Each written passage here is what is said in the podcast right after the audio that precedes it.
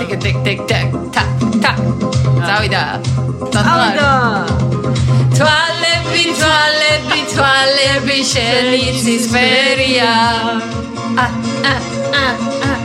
შენი ლამაზი თვალები ჩემთვის ყველაფერია ო ლესბიანკების საავტორო გადაცემა. კვინო თურქი ქალები. ძალიან არასერიოზული პოდკასტი. ძალიან არასე ძალიან კასოველი პოდკასტი. მოვედი არ მქონია. ბედი გაქვს სიყვარულში ჩემო მაქვს. ჩემო შეწარმოიდგინე მაქვს. მართლა? მართლა. რამდენი წელია ამას რომ გადავაბა სიმღერას აა უკვე 3 წელია რომ ძალიან კარგი ბედი მაქვს ვაიმე დედა. მანამდეც არ ვუჩიოდი სიმართლე გითხრა ხა ისეც იყო და ასეც მაგრამ მე მგონი ზოგადად სიყვარულში კაი ბედი მაქვს რა. ხო და რა- რაზე გვაქვს ისეთი გადაცემა? გადაცემა გვაქვს ისეთი გადაცემა ძალიან გვაქვს გადაცემას რო ჩვენი ის ავტორი გადაცემა? არის აა სიყვარულზე და კონკრეტულად ურთიერთობებზე. მაუწყებლობს სტოკჰოლმი და ვლაპარაკობთ სიყვარულზე და ურთიერთობებზე და სიყვარულის ქვიარ ფორმებზე. რატომ ვამბობთ სიყვარულის რამოდენიმე ფორმაზე, ხო? იმიტომ რომ როდესაც გამოდიხარ ჰეტერო სექსუალობიდან და იმ ნორმებიდან, რომელიც მიიჩნევა ურთიერთობის ერთადერთ ფორმად, იხსნება ბევრი სხვადასხვა ჰორიზონტი, რომელიც არ არის მხოლოდ ქვიარი ხალხის, მაგრამ ძალიან დიდი დამსახურებით ქვიარი ხალხის დეკონსტრუქტირებული არის, ასე შეიძლება თუ ითქვას, ურთიერთობის სხვადასხვა ფორმები. ჩვენ დღეს ქართულობას ვართმევთ სიყვარულის სადღი გრძელს რომელშიც შეგვყავს ჩვენი თავი. აუცილებლად ძალიან შეყვარებული ვარ მე და შესაბამისად მართალი ხარ დავიწყებ აა, სიყვარულის სადღი გრძელոցი და ვიტყვი რომ ისეთ სიყვარულს გაუმარჯოს რომელიც არის ქვიარულად თანასწორი არა ტოქსიკური მუცელში პეპლებით სავსე სამი წლის თავზეც კი. ვაიმე თქვენ რა ბულკები ხართ და საყვარლები. ჩვენ ძალიან ბულკებ და ძალიან საყვარლები ვარ ჩასაკოცნები. ქვიარ სიყვარული საერთოდ ისევე როგორც ნებისმიერ ლესბოსული კოცნა არის სრული ჯანყი იმ სისტემაში რომელიც ჩვენ გვაქრობს. ამიტომ მე მართლა მინდა რომ ქართულ სუფრაზე ჩვენც ვიყოთ სიყვარულის ნაწილი და სიყვარულს არ ვხედავდეთ მხოლოდ ბინარულ ფორმად, რომელშიც ერთადერთი აღიარებული ფორმა სიყვარულისა არის მონოგამიური ურთიერთობა, ცალმხრივად ერთგული, მაგალითად. და სადაც ძალიან ბევრი აი ესეთი ზუსტად გენდერულ როლებთან და სოციალურ ნორმებთან მიბმული რაღაცა მოლოდინები და ვითომ წინასწარ განსაზღვრული და უწერელი კანონებია, რომელზეც ადამიანები უბრალოდ არ საუბრობენ არასოდეს. მალე წასულები გვენახოს. შენ მენახე, მალე წასულ. ვისურვებდი, რომ ჰეტერონორმატიული ოჯახი, მათ შორის ჰეტერო წყვილებისთვის, მალე გადაშენებული მენახოს, მაგალითად. შორს. ამინ. ამინ. ჯერითი რაზე დგას ეს ჰეტერონორმატიული სიყვარული, ხო? აბსოლუტურად ყველა კინო, ყველა სიმღერა, ყველა ზღაპარი მიდიხარ ღამე სადღაც მეჯლისზე, ანუ სხვა სიტყვებით რო ვთქვათ, პარტიზე გაიჩითე, ვიღაც ვიღაც ფულიან ტიპს დაევასე და მეორე დილით э, ტუბლით დაგდევს, რომ ტუბლივნა ჯანგაცას მოგიყვანო მოგიყვანო და შენ აპრიორი გინდა რომ ცოლად გაყვე და ერთ-ერთ მომენტში არ ფიქრობ შიგ ხო არ გაგკაცო ჯერითი რა დღეში შედიოდნენ ის თები ფეხებს თითებს რო იჭრდნენ და როგორ როგორ გვასწავლიან ელემენტარულად ძალიან პატარაობიდანვე რომ ქალები ვართ ერთმანეთის კონკურენტები ქალები ერთმანეთს ეჯიბრებიან ვიღაცა იგებს ვიღაცა აგებს და კაცი ირჩევს ეს არის სურათი რომელთაც შევდივართ ჰეტერო ურთიერთობაში ასე მე ასე ვიზრდებით და ჩვენ გვე- გვეჩვენება რომ ჩვენ ესე შემთხვევით ვოცნებობთ რომ ვიღაცა კაცი მოვიდეს და გადაგვარჩინოს. ნებას გაძლევ შემიყვარო ალისის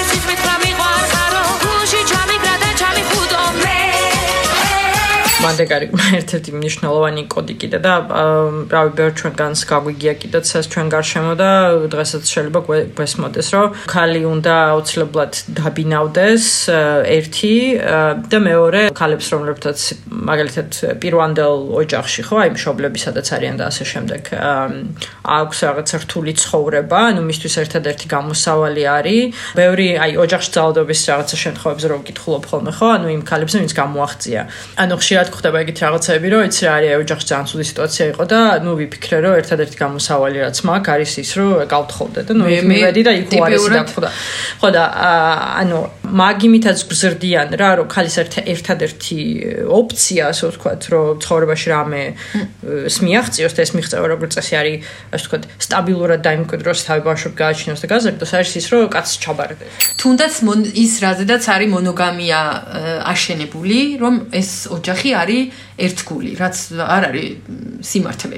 და ანუ ეს ცოლ-ქმარს შორის ეს 50 წლიანი ურთიერთობა, რომელიც განწირული, რომლიდანაც გამოსავალი, ამოსავალი არ არსებობს. ჭამენ ერთმანეთს, იმიტომ რომ არანაირი საფრთხე იმისა, რომ ეს ურთიერთობა დასრულდება, არ არსებობს.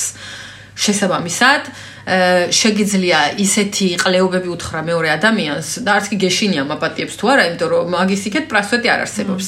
დანაშაულის ტვირთი აქვს ქალს. კაცი თუ გაექცა, ესეც მისი ბრალია. ქალ ქალმა თუ ხელატა ხო მისი ბრალია, მაგრამ აი რას ქვია კაცი გაგექცევა და მე შენ ვერ დააკავე და ხო, იქ მთელი გაწერილი სტრატეგია არის. და ხო. მეგონა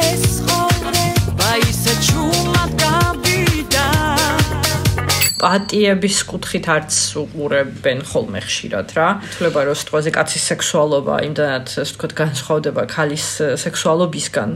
რომ ეს ანუ ბუნებაა რა, ბუნებაა. ეხლა საპატიებელიც არ არის არაფერი მაგაში, ანუ ეგეთი ეს არის ხშირად რა. აი მე ძალიან თუ ეხლა მიაწვევი და ძალიან თუ გაუჭედავ, კი იქნება რომ ეხლა კაი ეხლა ნუ კაცი არ ქნა საპატია. კი, რასაც მიუყავართ თქვა თანხმობის ამბავთან ისევ. ანუ ისეა მოწყობილი ქალის ცხოვრება, რომ თუ არ მისცემ, გაგექცევა. კაცი ისეთი მოთხოვნები აქვს განსაკუთრებული, რომელიც აბა ეხლა თუ ვერ დაუკმაყოფილი, ეხლა მე მე რაღაც უწუნებ, გაიგე?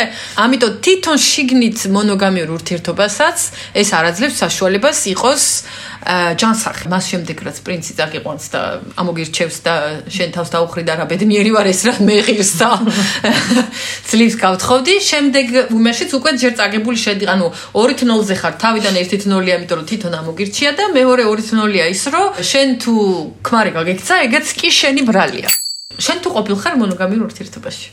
კი, და ეხლაც მონოგამიურ ურთიერთობაში ვარ, მაგრამ პოლიამორულ ურთიერთობაში ყოფილი ვარ. თავიდანვე დაიწყე ამ ა, კითხვის დასმა საკუთარ თავზე, რა ტიპის აი ეს.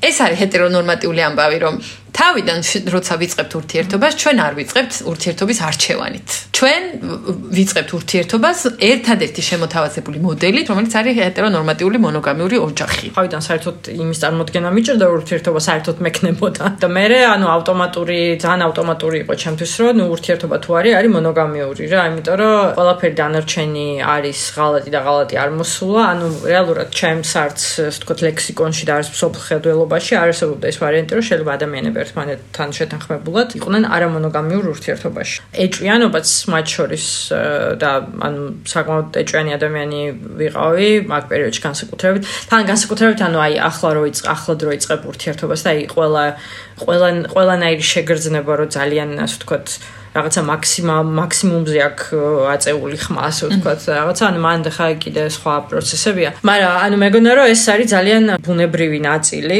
ურთიერთობების და რომ პირიქით ანუ მე თუ ვეჭვიანობ რა ვიცი ჩემ პარტნიორისთვის რა ქვია კომპლიმენტია ეგეთი ის მქონა სტერეოტიპი მართო ჩემ მილადო რა ხარ თუ ალგელი ნახა მაინჩები გოგონა ძალიან ძალიან ჰეტერონორმატიული სტერეოტიპია. კი. მოყევი აბა შენი პირველი ურთიერთობა.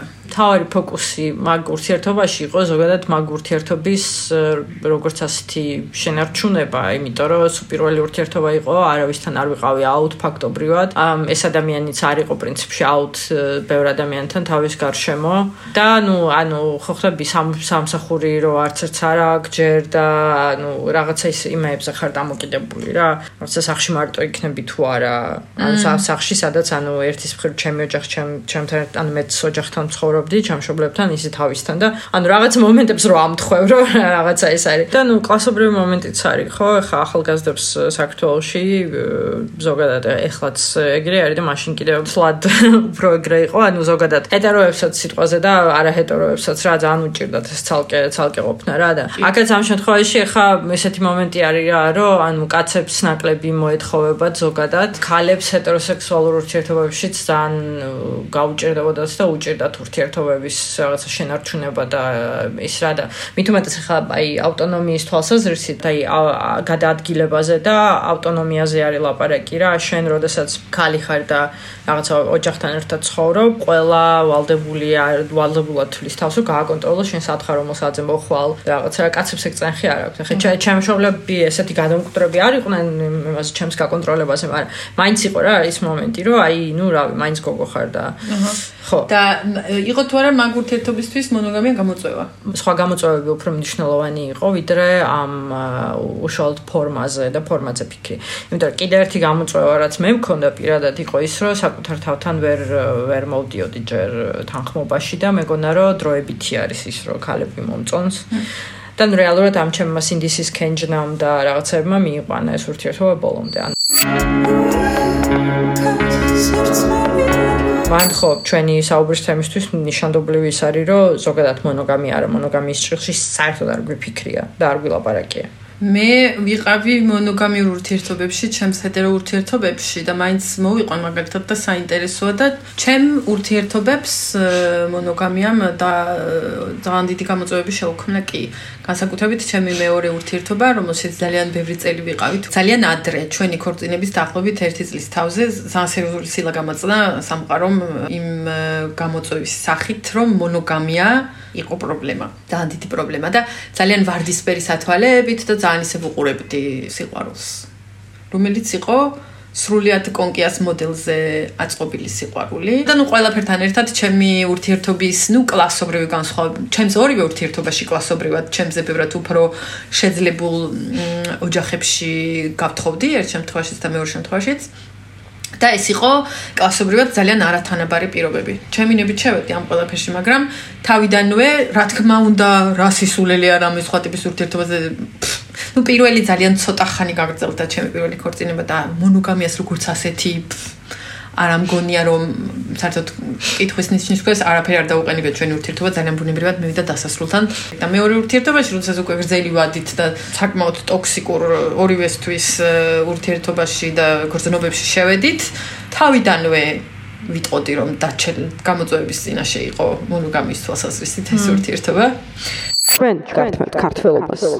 ფრანგი მწერლის ციგნი ჟულიეტ დრუარდი, რომელსაც ქვია ჰეტეროსექსუალობიდან გამოსვლა, ამ თემაზე ძალიან კარგად ლაპარაკობს, როგორ გამოდიან წვილები ჰეტეროსექსუალობიდან და იმ შემთხვევაშიც კი, როდესაც წვილი არის არავინ არ არის ქუიარი ამ ურთიერთობაში, ქალის მხრიდან მოდის ხოლმე შეთავაზება რომ ურთიერთობა გაიხსნას. და ნუ ტიპიურად ჩემს ოჯახში ეს იყო. მე ძალიან ბევრი წლის განმავლობაში და ძალიან ადრე ჩვენს ურთიერთობაში შემოვიტანე აზრი, რომ გაგვეხსნა ურთიერთობა, რომელზედაც ძალიან სწორადაც გქონდა დებატი ბევრი წლების განმავლობაში. მაგრამ ესეც ძალიან საინტერესოა, რატომ? იმიტომ რომ რაღაც ეტაპზე ურთიერთობა დადგა ამ გამოწვევის წინაშე. რამდენად გრძელვადიანი შეიძლება იყოს?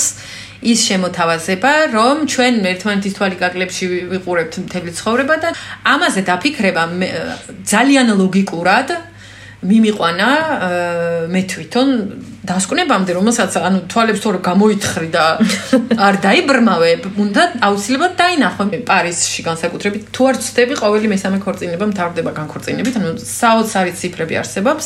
არის თუ არა სიცოცხლის უნარიანი მონოგამიური ქორწინება ის ფორმ იმ ფორმატში რა ფორმატშიც მემკვიდრეობით საუკუნეებია უკვე გვაქვს ეს ჩვენ ზურგზე მოკიდებული. არჩევანის გარეშე შევდივართ და მე თავზე გვემხობა მთელი სამყარო იმიტომ რომ რა ვიცი აი ციგნებში ეს happily ever after რატომღაც არ ხდება.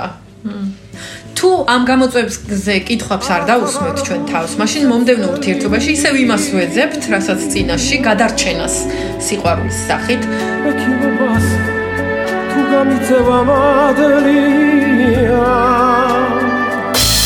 ეს სამბოფეგ ძალიან მა- მახსენებს იმას, რასაც ხშირად ვხედავ და ნახე მეც მეც საფრთხე თავზეც მაგ გამოცდილ ეგ მომენტი და ეგ აი შენი პარტნიორი შენი გადამრჩენელი ხდებოდა რაღაც ანუ და მეორე მომენტი არის ის რომ ანუ queer ურთიერთობებისთვის განსაკუთრებით queer ქალებისთვის იმხელა წნეხი არის ამ ზოგადად საზოგადოების მხრიდან ხო?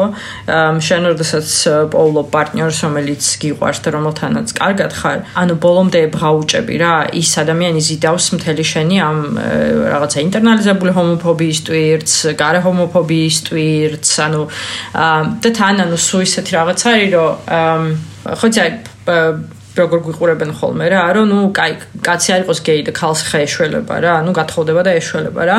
ანუ სულ არის რაღაცა მოლოდინი იმისა რომ შენ ამ შენ პარტნიორს კიდე საზოგადოება წაგა წაგაცლის ასე ვთქვათ რა. იმიტომ რომ ეს ესეთი ცხოვრება რთულია იმიტომ რომ პრასვეტი არ არის იმიტომ რომ ხალხი ვერ ქორწინდება მაგალითად ანუ საერთო რაღაცა მეურნეობას ვერ აწარმოებს აა და ასე შემდეგ და ასე შემდეგ რა და მანდ ანუ ეს სერიული მონოგამიის მომენტები რაც შენ აღწერე რა შემოდის ცოტა სხვა კუთხიდან მაგრამ დაახლოებით იგივე არის რა. ანუ შენ ებრაუჭები ყოველ ჯერზე ერთსა და იმავეს. ნუ მოусმენთ ამ პოდკასტს გაპიდარასტება არაქ თუ მაგას ყოლაკავთ ყველგან. რავი რომელი კი მაგალითად მახსენდება ეგრევე ისა რა ქვია ყველა რო გიждდებით ჯულია რობერტსის კონკის თანამედროვე ფორმატი სადაც ეს ლიმოზინში ამხედრებული კასი ძლივს მოვა და აშოპინგებს ამ ქალს და ძლივს ესე იგი ეშველა და გადაარჩინა ეს პრასტიტუტკა რომელიც რომელიც წყალწაღებული იყო და მაგრამ მაინც თავის უმანკოებას ინარჩუნებს რომ იქ არ კოცნის და არ შენეგად. თავის კლიენტებს მხოლოდ ფუჩურს აძლევს. ეგ არის მოდელი რავი, ამაზე გული არ გიჩქროლდებოდა? მე მაგათ მაგრამ იჩქროლდებოდა გული. ლამაზ მანქანა კატუა თავის იყო ფეთე მომენტი. იმიტომ რომ ხო ძალიან რომანტიკულია ეს რომ რომ მოგაკითხავს და მოგიყვანს ამ რაღაცა იმიდან და დანაჩანგლის გამოყენებას და ლაპარაკს გასწავლის და ანუ რეალურად ანუ პიგმალიონის ის არის რა ქვია გადამღერება არ არის ეგ რეალურად რა ესე რომ ვიღაცა ვიღაცა ბიძერი მოდის და ამოყავხა რა იმიტომ რომ იმას მაგის რესურსია აქვს მანდ მივდივართ აი ამ ჩადებულ კოდზე, რომელიც ასაკობრივ განსხვავებას აი მე მთელი საათები შემიძლია ამ თემაზე ვილაპარაკო. Been there and everybody knows it. ოდრი ჰეპბერნის პერიოდის კინოებში და თვითონ ოდრი ჰეპბერნის რამოდენიმე კინო მახსენდება. ყოველთვის არის ძალიან დიდი ასაკობრივი განსხვავება და ეს არის მართლა male gaze-ის კლასიკური მაგალითები. სადაც კაცი მოდის და ქალს გადაარჩენს. არავის არ უკვირს ეს ამბავი და რაღაცნაირად ვარომანტიკულებ, ასაკზე არ არის და ცხადია ადამიანი რომელიც არის სრულწლოვანი და აქვს თავისი სხეულის სრული შეგრძნება, სექსი აქვს მასთან ვისთანაც უნდა და ურთიერთობა აქვს მასთან ვისთანაც უნდა. მაგრამ ძალიან ბევრ რაღაცას ნიშნავს ასაკობრივი განსხვავება. ეს ნიშნავს კლასობრივ განსხვავებას, განათლების განსხვავებას, გამოცდილების განსხვავებას, შემოსავლების განსხვავებას და ვერანაირად ეს ურთიერთობა ვერ იქნება თანაბარ უფლებიანი. მათ შორის queer ურთიერთობებში ხშირად არის ხოლმე რომანტიზებული ეს ძალიან დიდი ასაკობრივი განსხვავება, განსაკუთრებით უფრო მე მგონი კაცებთან ხა არ მინდა რომ სტერეოტიპული ვიყო, მაგრამ მე მგონი რომ არის ეს არის ეგ და ანუ იმის დაგდასტურებ გეტყვი რომ ეს უშუალოდ თემში და მარ- მარტო საქართველოსში ა- არა და ძირთად ჩემ საქართველოსშიც არა ანუ მაგალითად დასავლეთ ევროპაში არის მაგაზე ლაპარაკი ძალიან საინტერესო როდესაც კაცი არის დაახლოებით 40 წლის ასაკში. რატომ არ ერჩევს თავისი ასაკის ქალს? 30 წელს გადაშორებული ქალი, რომელსაც გამოცდილება და რომელიც მაგალითად უარს უფრო მარტივად ამბობს, არ იღებს ისეთ რაღაცებს, უპირობოდ, როდესაც ძალიან ახალგაზრდა ხარ. ეს არის ჩემთვის ძალიან პრობლემატური ძალების დინამიკა, როდესაც კაც აუცილებლად სჭირდება დრიკადი ქალი, რომელთანაც რაღაცები გაუვა.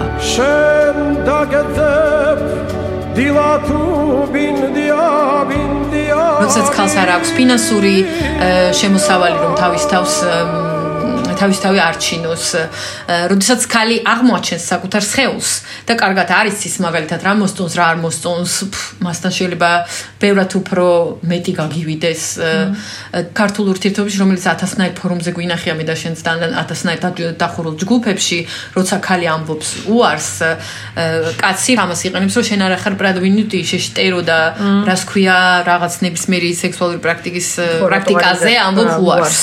ისინი უყურებენ ჩვენს ქვიარ ურთიერთობებს და ძალიან ამორალურ ჭრილში გხატავენ, საერთოდ არ სვამენ კითხვებს, რამდენად ნორმალურია ის, რაც თვითონ არიან. ნუ დავისთავად. არ მან გეთანხმები რა, რომ რეალურად ხო მარტო ასაკზე კი არ არის სიტყვაზე ხო ზრასულ ადამიანს უნდა შეეძლოს საკუთარ თავზე ხელზე და ურთიერთობებზე გადაწყვეტილების მიღება, მაგრამ ზუსტად ანუ იმაში არის კულტურა არასკტენის პოპ კულტურის გარდა, ანუ ჩემს ყოველს პრობლემური არის, როდესაც სიტუაცია რო შებრუნდება, ანუ ჩვენ გარშემო რამდენი გაგვიგია, რომ უიმედე და რა ვიცი მე გოჩიკო თავის თავისზე უფრო ქალთან ურთიერთობა და დედა რა ვქნათ როგორ დავაშოროთ, იმიტომ რომ ეხა აბა ის ცოლად როგორ გამოდგება და რაღაცა რა, აი მომენტი და ანუ პოპკულტურაშიც ანუ ერთი ფილმი იყო, მე მგონი მერილ სტრიპი თამაშობს მაგის შულს აქ. კი, კი, უფრო ქალთან ურთიერთობა და იმის კი, ფსიქოთერაპევტი რო არის და აი მანდ არის მოკლედ მთელი ანუ Jewish family არის და კი, კი, და ნუ ჩაშლილია კიდე კიდე მთელი ჩაშლილი არის მთელი სხვა რაღაცები რა, მაგრამ ასე კობრიობ იმაზე განსხვავებაზეც დიდი ის არის რა და ანუ ეგ არის ძალიან რეალურად ნაცნობი სიტუაცია ჩვენთვის, თუნდაც რაღაც ყურმოკრულის დონეზე გარშემო რა, რომ აი მაგაზე ყოველთვის ხო, იმიტომ რომ ასე კით თავისზე უფროს ქალს ვერ დაიმორჩილებს ისა და ასე ვთქვათ ვერ გაზრდის. აი გაზრდის მომენტი რამდენჯერ გაქვს გაგონილი ქალთან მიმართებაში რა. რომ ახალგაზრდა ქალს როცა ათხოვებენ უფროს კაცი, ხო, ნუ ეხა გაზრდის. ეს მას თავის ჭკუაზე გაზრდის რა და.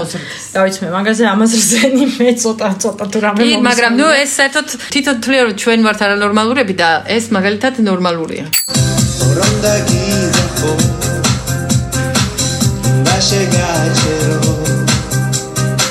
Sheni se pataraha ვი, შეხლეო, პატარა კი. გაჯექი გავწყვეტოთ აქ, ხო? აა გავწყვეტოთ შევა- შევასვენოთ სმენელი და მომდევნო პოდკასტში ვისაუბროთ ბევრად უფრო დაწვრილებით სხვადასხვა ფორმატის queer ურთიერთობებზე რომლის საშუალებასაც ჰეტერონორმატიული ურთიერთობების დეკონსტრუქცია გვაძლევს. მე მგონი ძალიან კარგი აზრია. ლესბიანკების საავტორო გადაცემა. ღვინო, თურქი, ქალები,